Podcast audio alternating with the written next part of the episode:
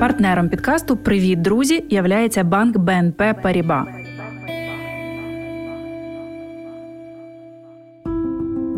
Добрий ранок, ми з України. Я Євгенія Мотрич, журналістка і редакторка українського телеканалу. а Нині зі своїм семирічним сином вимушена переселенка. На власному досвіді знаю, як непросто опинитися в чужій країні і адаптуватися до нових умов. Тож відтепер шукаю і перевіряю для вас найголовніше для і про життя тут у Польщі.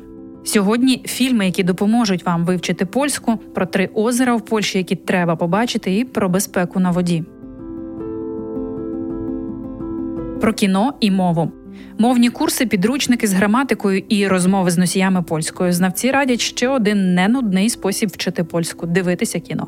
Кася і Томек, комедія, серіальна історія про стосунки в парі. Молоді люди живуть разом, але не наважуються одружитися. Ведуть побут, ходять до психолога, багато розмовляють на різні теми.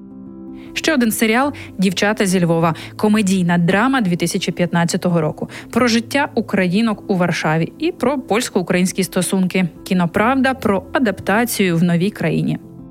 Родзінка.пл сімейна комедія для тих, хто тільки починає вчити польську. Теж історія з Варшави. Приклад ідеальних сімейних взаємин про довіру батьків, дітей та розбірки в школі.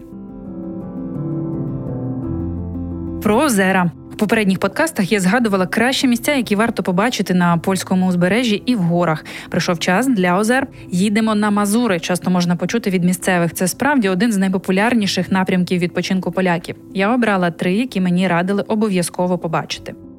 Ганча найглибше озеро низинної Європи, глибина більше 108 метрів. Озеро є заповідником Аква ЮНЕСКО. Вода тут дуже чиста з величезними камінними глибами на берегах і липовими лісами. Через озеро пропливає річка Чорна Ганча, а по ній можна сплавлятися на байдарках. Снярдви найбільше озеро Польщі оточене Мазурським ландшафтним парком, площа більше 100 квадратних кілометрів. На самому озері є вісім островів. Тут можна покататися на катері або на човні, або порибалити. Щоправда, місцеві попереджають про раптові урагани, тому варто пам'ятати про правила безпеки. Недороге житло можна знайти і в приватних садибах чи невеличких готелях у навколишніх селах.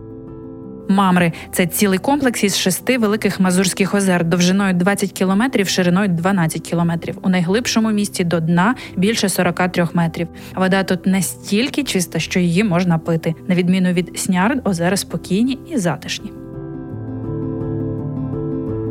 Про безпеку на воді у Польщі зросла кількість нещасних випадків на морському узбережжі. Як не потонути, газеті виборчі розповів Марчин Трудновський, плавець і рятувальник.